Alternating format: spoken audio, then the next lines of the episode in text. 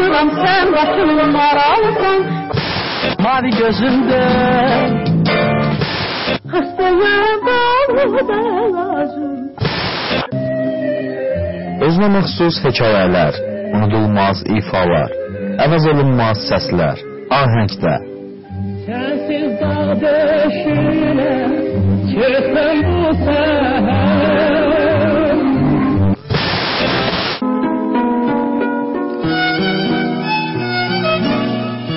Ramazan ayında Ramazan söhbətləri. Həftənin cümə günü GS rəhbərlər.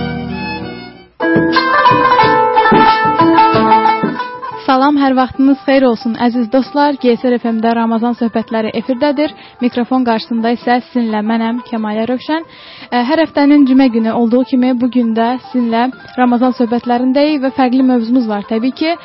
Bu gün İslamda elm və təfəkkürün yeri və rolundan danışacağıq. Mövzu ilə bağlı qonağımız isə Xəzər Universitetinin müəllimi, fəlsəfə doktoru Mail Yaqubdur. Mail bəy, xoş gəlmisiniz. Xoş gördük Kəmalə xanım. Ə, sizi, ə, həmkarlarınızı və bütün bizi dinləyən dəyərli dinləyicilərimizi salamlayıram. Çox sağ olun ki, dəvətimizi qəbul edib gəlmisiniz. Ramazan ayınız da mübarək olsun. Çox sağ olun. Sizinlə bahəm. Çox sağ olun. Əziz dinləyicilərimiz, siz mövzumuzun müzakirəsi ilə yanaşı eyni zamanda iki rubrikanı da dinləyəcəksiniz. Birinci rubrikamızda günün duası rubrikasıdır. Onu dinləyəcəksiniz. Təbii ki, bu gün 25-ci gün olduğu üçün 25-ci günün duasını dinləyəcəyik. E, ikinci rubrikamızda isə siz iftar süfrəsinə tez və rahat hazırlayacağınız bir təyammün reseptini dinləyəcəksiniz. Biz isə Mail bəy ilə keçək söhbətimizə, başlayaq artıq.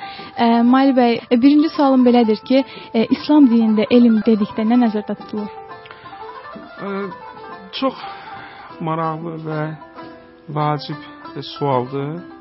Həm də çətin. Ümumiyyətlə ə, bu ə, analitik mövzularda dəqiq elmlərdə də belədir bəlkə də.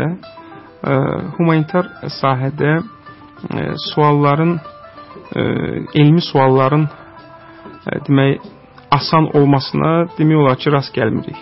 Yəni çətindir. Amma belə bir e, misra var bizim şairlərdən birinin hər çətin asan olur, amma çətin asan olur. Yəni bir şeyin asan olması üçün onun əvvəl çətin olması labüddür. Hər halda bu da həmin o çətin suallardan biridir.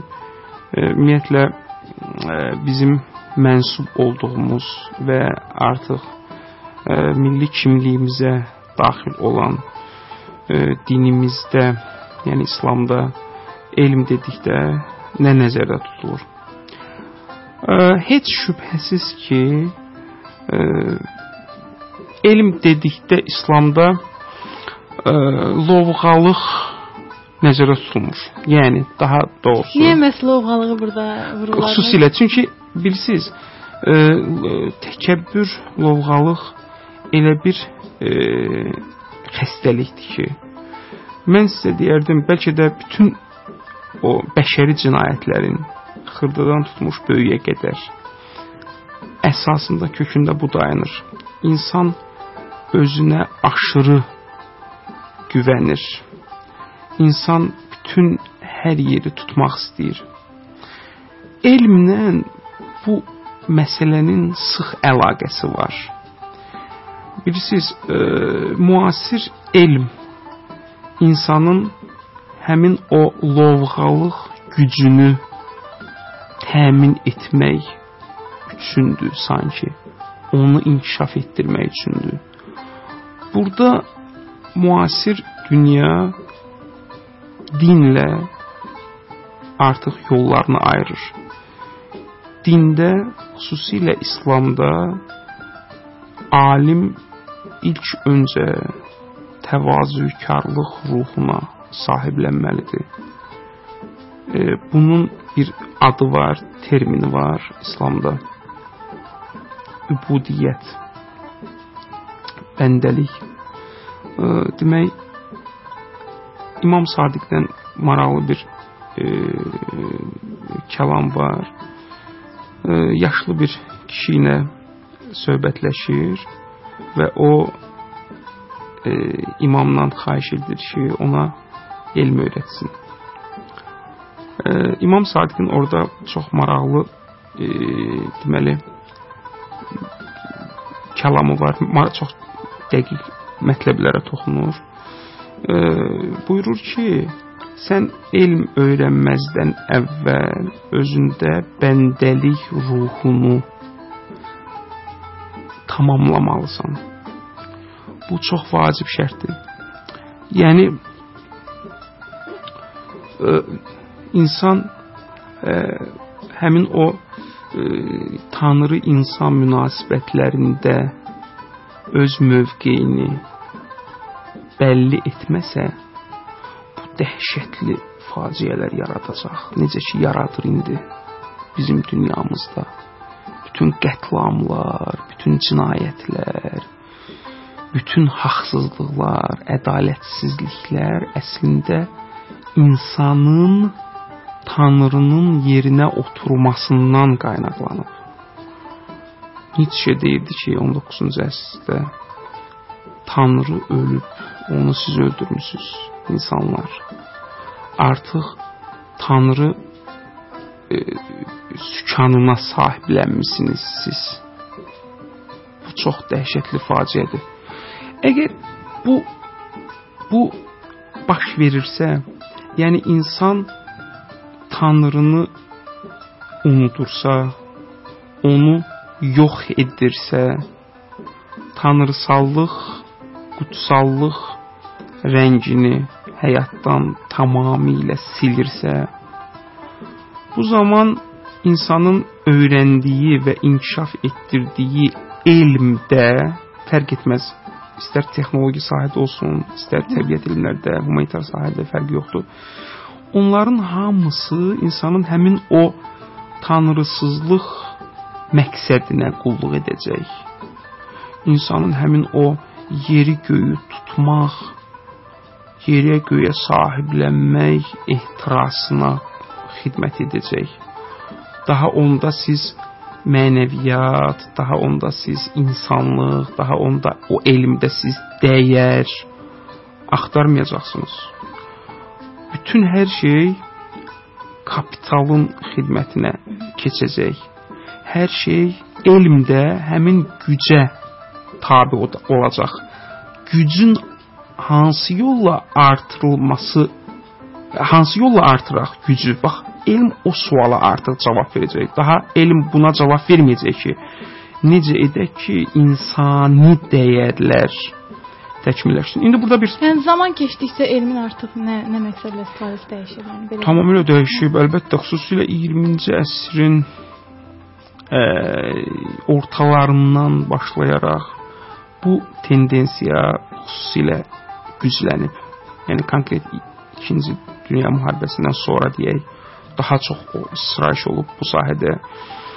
Və indi burada bir maraqlı bir məsələ var, sual var. Məgər inkişaf etmiş elm baxımından inkişaf etmiş ölkələrdə insani dəyərlər ölüb? Sual. Xeyr, ölməyib. Amma burada bir məqam var. Əgər siz o qüvvəni, o rəngi tamamilə itirirsinizsə, siz ən inkişaf etmiş ölkə olub bir dövlət olaraq zəif, e, kasıb, bədbəxt ölkələri məhv edə bilərsiniz. Heç bir sizin qayda qanun qarşınıza almır. Beynəlxalq hüquq var. Beynəlxalq hüququn da gücü çatmır. Beynəlxalq hüquq prinsiplərində gücü çatmır sizin qarşınıza almağa. Bilirsiniz? Çünki sizin gücünüz çoxdur. Bax bu gün bir iki super güc buna misal göstərmək olar dünyada. Sizin onların qarşısını heç kim ala bilmir. Heç kim. Və çox maraqlıdır ki, Avropa e, fəlsəfəsi e, 19-cu əsrdə Nietzsche-nin timsalında məhz bu cür elmə təşviq edirdi. Bu çox əcayib qəraib bir şeydir. Ya bəziləri deyir ki, Nietzsche raport verirdi. Yəni e, demirdi ki, mütləq belə olun. Deyir ki, konkret belə olub artıq. Mən onu təsvir edirəm. Mən demirəm belə olun. Mən olanı danışıram. Təsvir. Təsvir edirəm.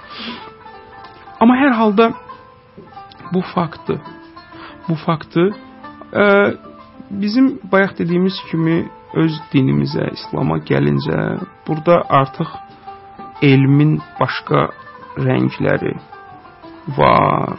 Məsələn, çox maraqlı ifadələr var. Alimin üzünə baxmaq ibadətdir. Ə, alimlə söhbət ibadətdir. Bir saatlıq elm məclisində oturmaq bir ömür ə, deməli elmsiz ibadətdən üstündür. Bax bu çox maraqlı ifadələrdir. Bəs onda nədir bu elm? Nədir bu? E, bu bu nədir ümumiyyətlə? Elm nədir? E, Füzulinin Rind və Zahid əsəri var. Biz e, demək Mədəniyyət kanalında hər həftə məclis üns verilişi efirə gedir. Və mən oranın e, iştirakçılarından biriyəm. E, həmin verilişlərin birində biz Rind və Zahid əsərini müzakirə elədik və orada 3 obraz var. Rind, Zahid və gənc. Zahid gənci tənbih edir. Onu danlayır. Ki sən niyə görə e, deməli e, müasirləşməyə can atırsan? Bunu pisləyir. Sən nəyə görə gözəl həyata can atırsan? Bunu pisləyir. Rind isə Zahiddə müxalif çıxır. O deyir ki, sən o etiraz edir. Sən gəncin çılğın ruhunun qarşısını ala bilməzsən. Rind başqa yol göstərir. Həyata hə deməyi öyrədir. Amma onun səmtini dəyişir. Bilirsiniz, Bax, elm dedikdə İslamda mən elə başa düşürəm, alim həmin o rindin yolunu gedəndir. Təbii ki, o zahid obrazı termin kimi işlənir ədəbiyyatda e, və pislənilir. Yəni o adam ki, köhnəliyə çəkir insanları, ətalətə çəkir insanları, e, novatorluğun qarşısını alır, müasir yeniliyin qarşısını alır. Ə, amma ə, alim alim İslamda yəni düyünləri açan.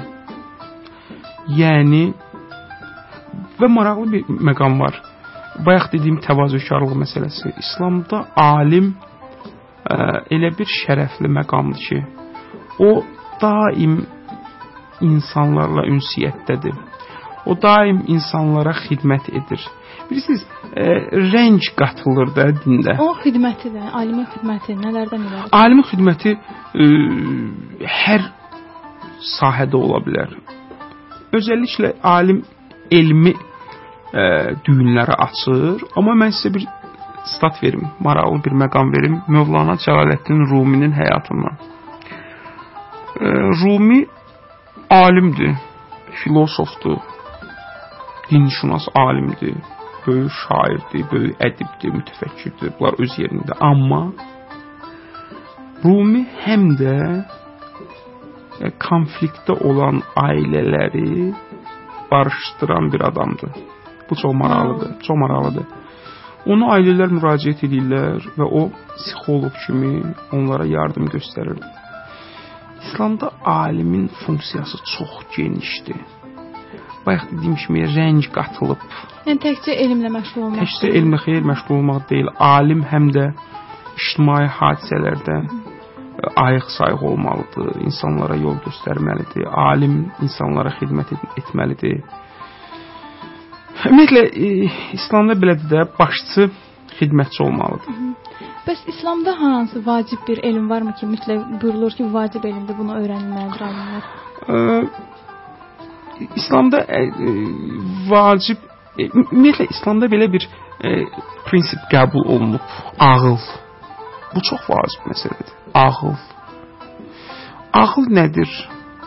ağıl odur ki, ağıl elə bir qüvvədir ki, siz qaranlıq bir otaqda heç nədən məlumatınız olmasa belə, heç bir dindən, heç bir ədəbiyyatdan, heç bir elmdən xəbəriniz olmasa belə, tam təcrid olmuş vəziyyətdə olsanız belə, bəzi şeyləri dərk edirsiniz. Bax, ağıl odur instinktiv olaraq fitrən, fitrətdən gələr. Və yalnız insanlara verilmiş. Bu təbii bu insana bu ağıl odur. İslamda bu təsdiqlənib. Əgər bu təsdiqlənibsə, artıq çox şeylərin qapısı açılıb. Məhz buna görə də orta əsrlərdə müsəlman alimləri böyük uğurlar qazandılar. Riyaziyyatda, tibbdə, Farabi, Nəsrəddin Tusi. bəli, bəli, Tusi, Farabi, İbn Sina, Nizami Gəncəvi. Yəni elmdə ilk kəşflər də elə onların Bunlar. Biruni, bunlar hamısı orta əsrlərin məhsuludur. E, amma qaldı ki, nə va ən vacibdir. Təbii ki, o e, bunu sıralamaq olmaz. O, Tanrını tanımaq vacibdir. Çünki tanımasaq bayaq dediyim kimi o rəng itir, o qüvvə itir. Amma demək olmaz ki, bu e, bu ikinci dərəcəlidir, bu birinci dərəcəlidir. Tam onu biz e, belə söyləyə bilmərik. İslam inkişafa ə, dəvət edir. Ə, elmə dəvət edir bir mənalı olaraq. Ə, təbii ki, istisnalar ola bilər. İstisnalar bütün hər yerdə var. O burada da ola bilər. Amma ümumi mənada biz ə, İslamı bu cür görürük və bunun sübutu da var. Bayaq dediyim kimi orta əsrlərdəki müsəlman alimləri. İndi 17-ci əsrdən sonra niyə hansı səbəbə görə ətalət ətalət yaranıb. Bu bir başqa e, sosioloji təhlilə ehtiyacı olan məsələdir və 5 dəqiqəlik, 10 dəqiqəlik bunun izahı da yoxdur. Müxtəlif variantlar var, müxtəlif cavablar var bu suala. Nəyə görə müsəlman Yəni dünyası? sadəcə ma elmin inkişafına mane olanlar nədir? Məsələn, belə bir, yəni deyir ki, çox böyük bir, yəni bəhsdir bu. Ə, ə, ə, mane- Çox maraqlı sual verdiniz. Ə, Hansı ə, səbəblər ə, ə, bir cəmiyyəti elmsizliyə sürükləyir, elmdən uzaqlaşmağa sürükləyir? Baxın, bunun sadə misalları var da, biz öz cəmiyyətimizdən də misal çəkə bilərik. Kitab oxumaq həvəsi azalıb e, insanlarda.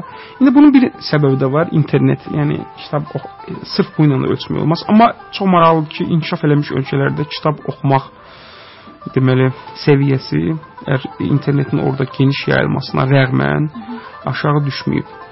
E, gəlirik e, bayaqki sualımıza. E, Problemlər nədir? Müxtəlif problemlər ola bilər.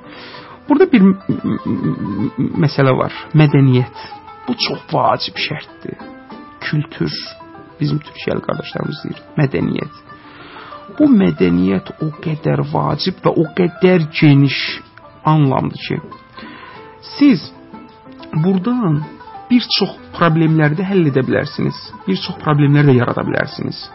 Misal üçün, əgər bir xalq kültür olaraq mədəniyyət baxımından tələskəndirsə, bu onun, nə bilim, elmdəki inkişafına da problem yarada bilər, bunun dindarlığına da problem yarada bilər. Bunun. Misal üçün, tələskənlik yəni tez qərar vermək, təmkinsizlik. Misal üçün deyirəm. Və yaxud bir millət zaten mədəniyyət baxımından, kültür baxımından bədbin ruhdadırsa, bizim millət şükür Allaha bu problemi yaşamır. Biz çox nikbin xalqıq. Həddən artıq bəlkə də nik- nikbinlik bəzən aşırı dərəcədə, nikbinlikdə də bu qədər olmaz yəni. Ə, əgər bir xalq zaten kültür olaraq bədbindirsə, bu onun yaratdığı ədəbiyyata da təsir edəcək. Bu onun qəbul etdiyi və yaşatdığı dinə də təsir edəcək. Bu onun nə bilim elminə də təsir edəcək, hər şeyə. Bu çox vacib şərtdir. Ona görə çox maraqlıdır. İslam bax bu gün ə, bir ölkədə ki, o ölkə bədmin ruhdadır, bir cür təqdim olunur. Başqa bir ölkədə ki, o ölkə kültür baxımından niçbin ruhdadır, başqa cür təqdim olunur. Təqdim olun. Həm həmin şeydir. Deyir, hamı mənə sarı gəlir. Mən durmuşam yerimdə. Obyekt yerindədir. Hərə bir cür baxır ona. Bu çox vacib şərtdir. O e, ümumi olaraq e, cəmiyyətin psixologiyasını mən danışdım indi. Fərdlərin psixologiyası da belədir də. Bir adam əgər nikbindirsə zaten bu onun bütün həyat sferalarına təsir edir. Bədbündürsə, bu onun hətta aldığı maşına da təsir edir, tikdiyi evə də təsir edir, nə bilim, həyat yoldaşına da təsir edir, uşaqlarına da yansıyır. Bütün həyatına təsir Bütün həyatına yansıyır, hamısına. Uşaqlar da o bədbin ruhda böyüyürlər. Amma bir ata, bir ana nikbindirsə, o uşaqlara da təsir edir. Ümumi geniş planda belədir, o e, makro planda belədir, mikro planda da belədir. Mail bəy, icazənizlə bizim rubrikamızın artıq vaxtı gəlib çatıb. Günün duası rubrikasını dinləyək, sonra söhbətimizə qaldığımız yerdən davam edək. Əziz dinləyicilər, GSR FM-də Ramazan söhbətlərini dinləyirsiniz və İslamda elm təfəkkürün yeri və rolundan danışırıq. Qonağımız isə fəlsəfə doktoru Mail Yaqubdur. Bizimlə qalın, duanı dinləyək, sonra yenidən söhbətimizə davam edək.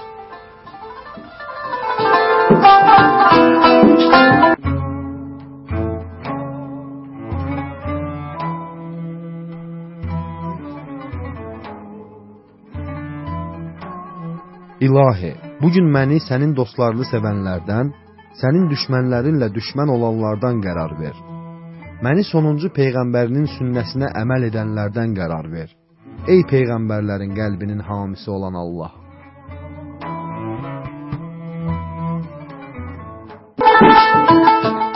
Əziz dostlar, biz davam edirik. Ramazan söhbətlərini dinləyirsiniz. Mövzumuz İslamda elm və təfəkkürün yeri və roludur. Mövzu ilə bağlı qonağımız isə fəlsəfə doktoru Mail Yaqubdur. Mail bəy, söhbətimizə ilə davam edək. E, İslam dini ümumiyyətlə İslam e, təlimlərinin mərkəzində iman durur. Bəs elmsiz din, dinsiz elm anlayışlarına münasibətiniz necədir? Yenə də çətin sualdır. Siz bir bir metod var. Mən o metodu çox bəyənirəm. Nədir bu? Nəzəriyyənin praktikadakı o faktlara əsasən funksiyasını, nəticələrini görüb onun üzərində danışmaq. Gəlin baxaq.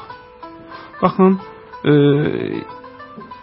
tanrısız elm nə faciələr yaradıb. Deməli, YouTube portalında bir müddət qabaq bir böyük filosofun, a, deməli, e, Amerikada e, universitetlərin, məşhur universitetlərin birindəki çıxışını dinlədim. 2 saatlıq çıxış idi. Tanrının varlığının sübutları. Maraqlı e, arqumentlər gətirirdi. Bir nəfər orada sual verdi alimə. Dedi ki, bəs e, Tanrıya inanmaq insanlarda demək diktatorluq ruhunu gücləndirir. Və bunun nəticəsində cinayətlər törənir. Heç də Tanrıya inanmaq cinayətin qarşısını almır. O filosof gözəl cavab verdi. Faktlara əsasən. Dedi ki, heç də elə deyil. Ən azı 20-ci əsrdə iki dünya müharibəsi olub və bu iki dünya müharibəsi bütün dünyanı demək olar ki, çənginə alıb. Nə qədər ziyan vurub bəşəriyyətə. Milyonlarla insanın qanı axıdılıb. Bunların heç birini, bu iki müharibənin heç birini teistlər, Tanrıya inananlar etməyib. Ateistlər. Hər ikisi. Faktlara əsas, əsasən baxın, bu gün, bax bu günümüzdə bütün dünyada baş verən cinayətlərin əsas amili kimdir? Hansı qüvvədir? Hansı super gücdür? Siz də bilirsiniz, mən də bilirəm. Olsun ki, bunun pulunun üzərində I believe in God yazılıb. Tanrıya inanmaq, etiqad etmək kağız üzərindədir sadəcə. Faktda yoxdur heç nə. Faktda əməldə yoxdur. Sistem olaraq Tanrı yoxdur. Tanrı ax, a, 19-cu əsrdə necə ölüb? Yoxdur. Öldür, öldürüblər bunu. Funksiyası yoxdur. Bilirsiniz, bu çox dəhşətli bir şeydir. Nəticəsini göstərir. Niyə də olsun axı? Niyə niyə cinayət etməsin bir adam ki, Tanrıya inanmır? Hüquq qarşısını ala bilər də bunun. Hüquq da yoxdur. Əgər bir güc, bir dövlət hüququn üstündədir. Meta hüquq. Hüququn üstündədir, hüququ saymır. Hüququ tapdalaya bilir beynəlxalq hüququ. Hüququn ona gücü çatmır. Hə? İndi nə qarşısını alacaq heç bir şey. Heç bir.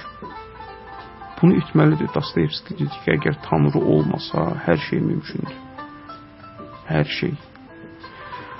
Da bu doğrudan dəqiq diaqnozdur. Çox dəqiq. Ona görə ə, tanrısız elm elmin e, deməli nailiyyətlərinin bəşəri cinayətlərin törədilməsində istifadə edilməsinə tam normal baxıram. Bu niyə də olmasın? Kim qarşısını alsın? Əvvəl tanrı insan münasibətləri var. İndi tanrı yoxdur, tək insan qalıb. O da hakim olmaq istəyir. Nietzsche'nin Superməni Superməni ən fövqəl bəşəri, ən nümunəvi ideal insanı Napoleondur. Tarixin cinayətkarı. O deyir ki, o yaxşı, ən ən ideal insan odur. Ən çox tutmaq istəyir. Bilirsiniz?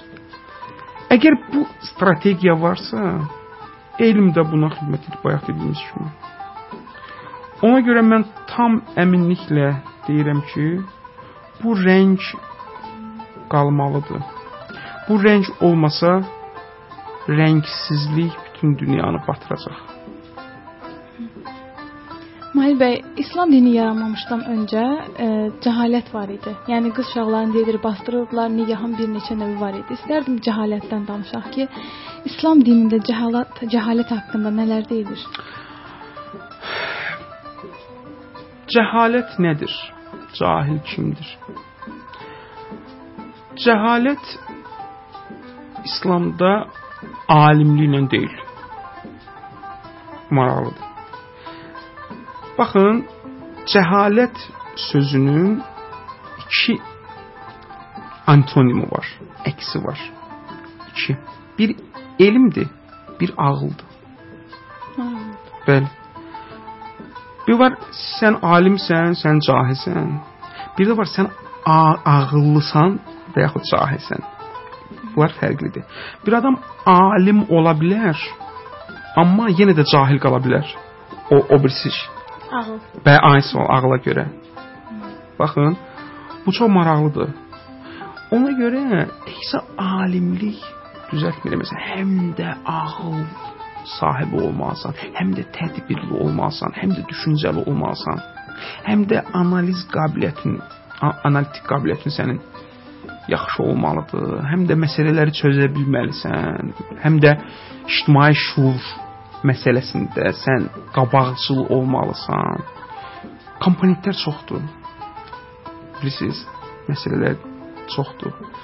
Bizim bir şərq tarixində böyük bir alimimiz olub. Onun gözəl bir ifadəsi var. Deyir ki, kamil alim olmaq üçün 100 şərt lazımdır. Onun biri elmdir, biri mənəviyyat. 98-i hələ başqadır. Maraqlıdır. Mara hə, alim, yəni elm, bu qədər, bu qədər məsələ ə, məsələ ciddidir. Bu qədər məsələ ciddidir. Ona görə, ona görə o təvazökarlıq ruhum dedimi? İnsan həmişə ə, o kökdə olmalı deyim. O Seyd Əzimin bir misrası var. Beyti qərəzim xaki dərində gədalıqdır mənim, belə bir indi ola bilsin mən səhv deyirəm. Mən qədazadəyə bax, rütbə şah istəyirəm. Deyir mən sevdiyinə deyir ki, sən, sənin qapında mən dilənçi olmaq istəyirəm. Budur mənim məqsədim, hədəfim, həyatım məqsədi, hədəf budur. Sonra deyir ki, mənə bax, mən dilənçiyə bax, şahlıq rütbəsinə çatmaq istəyirəm. Sənin yəni qapında dilənçi olmaq şahlıq Şahlı. deməkdir. İndi bu, bu, bu olmasa İslamda bu təvazökarlıq ruhu olmasa, o kamillikdən, nə bilim, tamamlıqdan hələ söhbət gedə bilməz. Söhbət gedə bilməz. Elə bayaq dediyim kimi, verilişin əvvəlində dediyim kimi, bütün bəşəri bəlaların kökü də burdadır da. Burdadır. Burdadır. E, Quranda gözəl bir ayə keçir.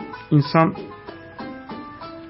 İnnel insane la yatğa en ra'ahu istagna. İnsan özünü nə zaman ehtiyatsız,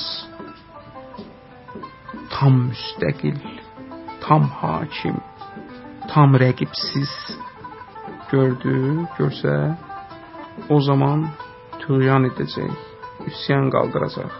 Bu insan psixologiyasıdır. Yəni insan mütləq bir qüvvə fövq özündən fövqdə görməlidir. Bu tanrıdır təbii ki. Ki o onu ona görə falan cinayəti etməsin, qətl etməsin, cinayət etməsin, məhv etməsin. İnsanlara yaşamaq hüququ versin, sevsin insanları. İslam dini Qurani-Kərim belə oxumağı, bilikli olmağı, yazmağı tövsiyə etdiyi bir halda, amma Qurani-Kərim oxumaq, yazmaq bilməyən bir peyğəmbərə nazil olmuşdur. Sizcə bunun ilahi hikməti nədən ibarətdir? Bilirsiniz, bunu müxtəlif formalarda izah edirlər. Amma fakt odur ki, Həzrət Məhəmməd yazıb oxumağı bilmirdi. Bu faktdır. Bu tarix göstərir və e, həm də bu bir e, Tanrıdan gələn bir pay idi ona ki, ilahi elmləri ona vermişdi. Bilirsiniz, e, bir məsələ var. Ya biz Tanrını qəbul edirik, ya etmirik.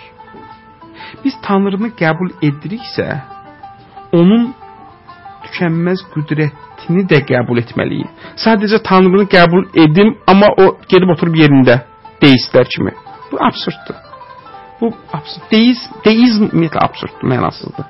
Bilirsiniz, deistlər belədir. Tanrı gedib oturub yerində heç bir müdaxilə etmir, heç bir mərhəmət göstərmir, sadəcə yaradıb. Bu o ateizm ağırlığı var axı. Ondan xilas olmaq üçün bir yaxşı yoldur. Ateist olmaq çətindir o. Necə yaranıb, necə olub bəs? E, qalır sizin sualınızın cavabına, əgər biz Tanrını qəbul ediriksə, ki edirik, həm də bunu qəbul edirik ki, Tanrı istədiyi insana mərhəmət göstərə, lütf edə bilər. Quranda qəribə bir ayə keçir.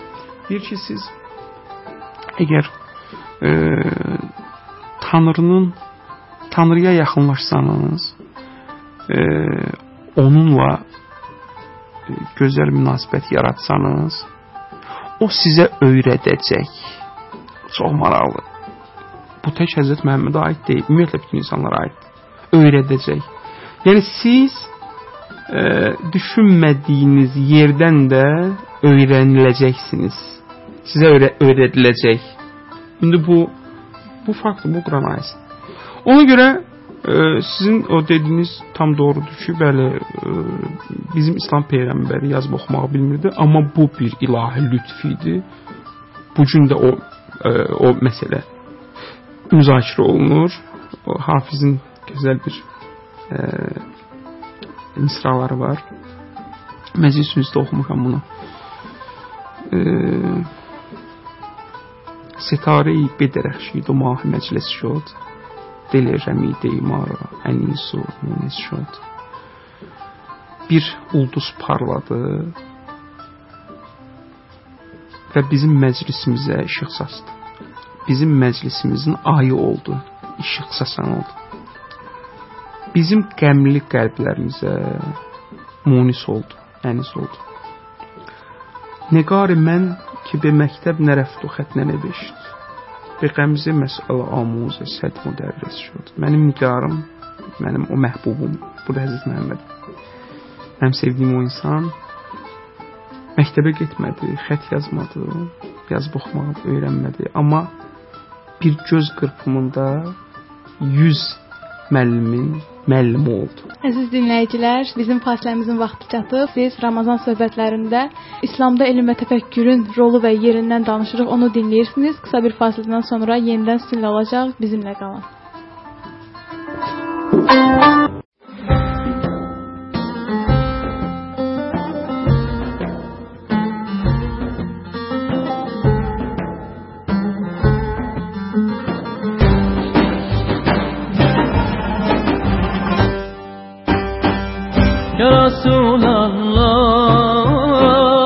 yaşayın.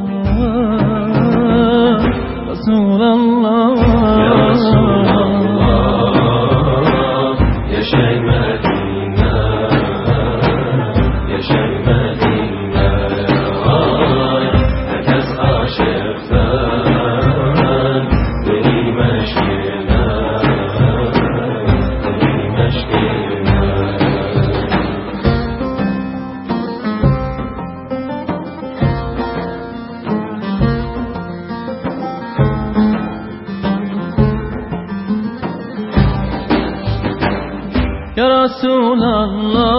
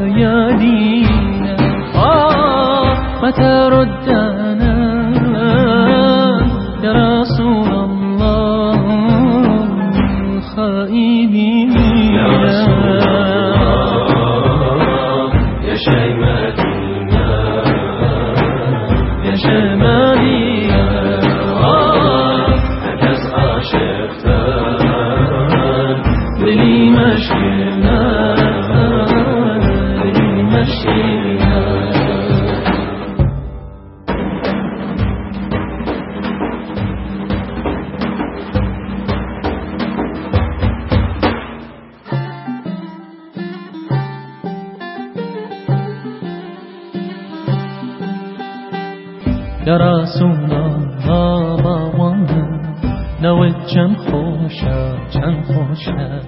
عراقتكم لا با بوانا بنت هر وقت حجیان با بوانا لدور لا با بوانا ما دوري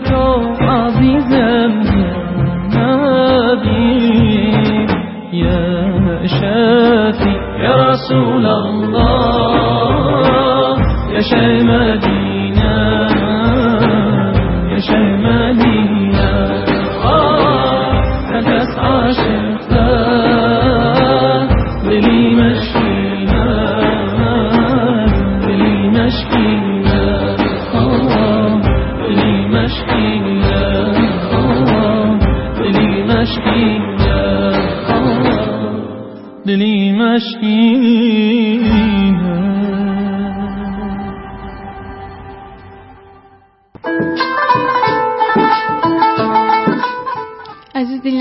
GSR FM-də Ramazan söhbətlərini dinləyirsiniz. İslamda elm və təfəkkürdən danışırıq.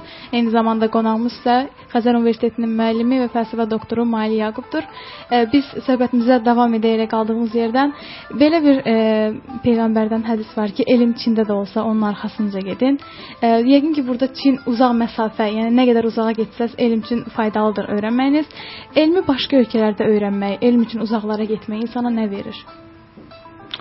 Ümumiyyətlə başqa mədəniyyətlərlə tanış olmaq, istər elm dalınca gedib orada yaşamaq, istər ümumiyyətlə qısa müddətli gəzintilərə getmək insan dünya görüşünü artırır.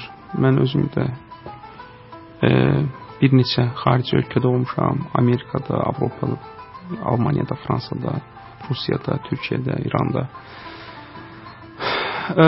müxtəlif mədəniyyətlərlə tanış olmaq insanın ə, bayaq dediyim kimi dünya görüşünü artırır, dünyaya baxışını təkmilləşdirir, formalaşdırır insanın düşüncəsini, bütövləşdirir. Çox vacibdir. Amma sizə mən bir söz deyim. Mən Azərbaycanlı kimi Azərbaycanı sevən bir insan kimi heç vaxt arzulamazdım ki, bizim Azərbaycanlı uşaqlar gənclər gedib xaricdə təhsil alsınlar. Mən arzulayardım ki, Azərbaycanda elə yüksək səviyyəli universitetlərimiz olsun ki, biz xaricə getməyə ehtiyac duymayaq.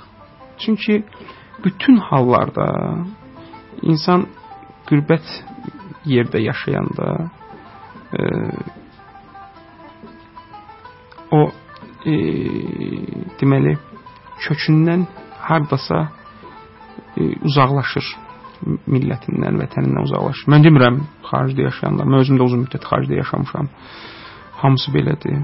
Böyük bizim çox böyük insanlarımız var xaricdə. Vətənini sevən. Amma ümumiyyətlə, yəni vətəndə yaşamaq daha gözəldir. Daha gözəldir. Bir qürbət o qədər acı ki, nə varsa içimdə. Kemalettin Kamilin şeiridir bu türk şairi. Qürbət o qədər acı ki, nə varsa içimdə, hamısı bana yabancı, hamısı ayrı biçimdə. Nə arzum, nə əməlim, yaralanmış bir elm. Mən qürbətdə deyiləm, qürbət mənim içimdə. Yəni bəzən e, yəni qürb qürbət e, e, yaxşı deyil, yaxşı deyil, amma qısa müddətli səfərlər, hələlik yəni, indi indi e, gedib e, xaricdə təhsil al, al, alan dostlara, gənclərə mən bir dost kimi səmimi bir, bir tövsiyə edərdim ki, qayıtsınlar Azərbaycana təhsildən sonra, qayıtsınlar, qalmasınlar. Yəni çünki hər halda onlar bu vətənin övladlarıdır axı. E, bura xidmət etməlidirlər. Bizim Azərbaycan insanına mən məsəl mən düşünürəm ki, mən Azərbaycan insanına xidmət etmək üçün həyata gəlmişəm. Burada doğulmuşam. Mən burada doğulub gedib Amerikalılara xidmət edə bilmərəm. Bu bu mənə ayıb olar. Mən elə düşünürəm, səmimi olaraq. Ə, ola bilər ə, maddi məsələlərə görə ə, üstünlüklər ola bilər yox 100% belədir, üstünlüklər ə, kənardadır, amma hər halda bir ə, vətən oğlu kimi, vətən insanı kimi bizim də borcumuz var axı bu millətə, bu insanlara xidmət etmək. Mahir bəy, çox gözəl izah elədiniz. Artıq bizim efirimizin sonuna yaxınlaşırıq. Demək olar ki, az bir müddət qalıb. Bu gözəl ayda dinləyicilərimizə dualarınız, e, son sözləriniz, məsləhətləriniz nələr olardı? Mən bu gözəl ayda gözəl Azərbaycan insanına ki, həqiqətən gözəl insanlardır bizim Azərbaycan insanları. Çox sevirəm onları, çox. Ee, ən yüksək ə, deməli arzularımı bildirmək istəyirəm. İçimdən gələn arzuları demək istəyirəm. Onları dünyanın birinciləri sırasında görmək istəyirəm. Bir xalq kimi mədəniyyətlərin, inkişafların bütün mənalarda, bütün mənalarda buna layiqdilər bizim xalqımız, mənim xalqım buna layiqdir. Sizi əmin edirəm ki, buna layiqdir. Mənim Azərbaycan xalqım dünyanın birinciləri sırasında olmağa layiqdir və buna potensialı var. Sadəcə çalışmaq lazımdır, dayanmadan həyata hədimək lazımdır. Çox sağ olun ki, dəvətimizi qəbul edib gəldiniz. Ə, əziz dinləyicilərimiz, bu gün Ramazan söhbətlərində, Ramazan ayının sonuncu cüm cüməsində ə, İslamda elm və təfəkkürün yeri və rolundan danışdıq. Mövzu ilə bağlı qonağımız isə fəlsəfə doktoru Mali Yaqub oldu. Sağ olun, özünüzə yaxşı baxın. Yenidən eşidilmək diləyi ilə.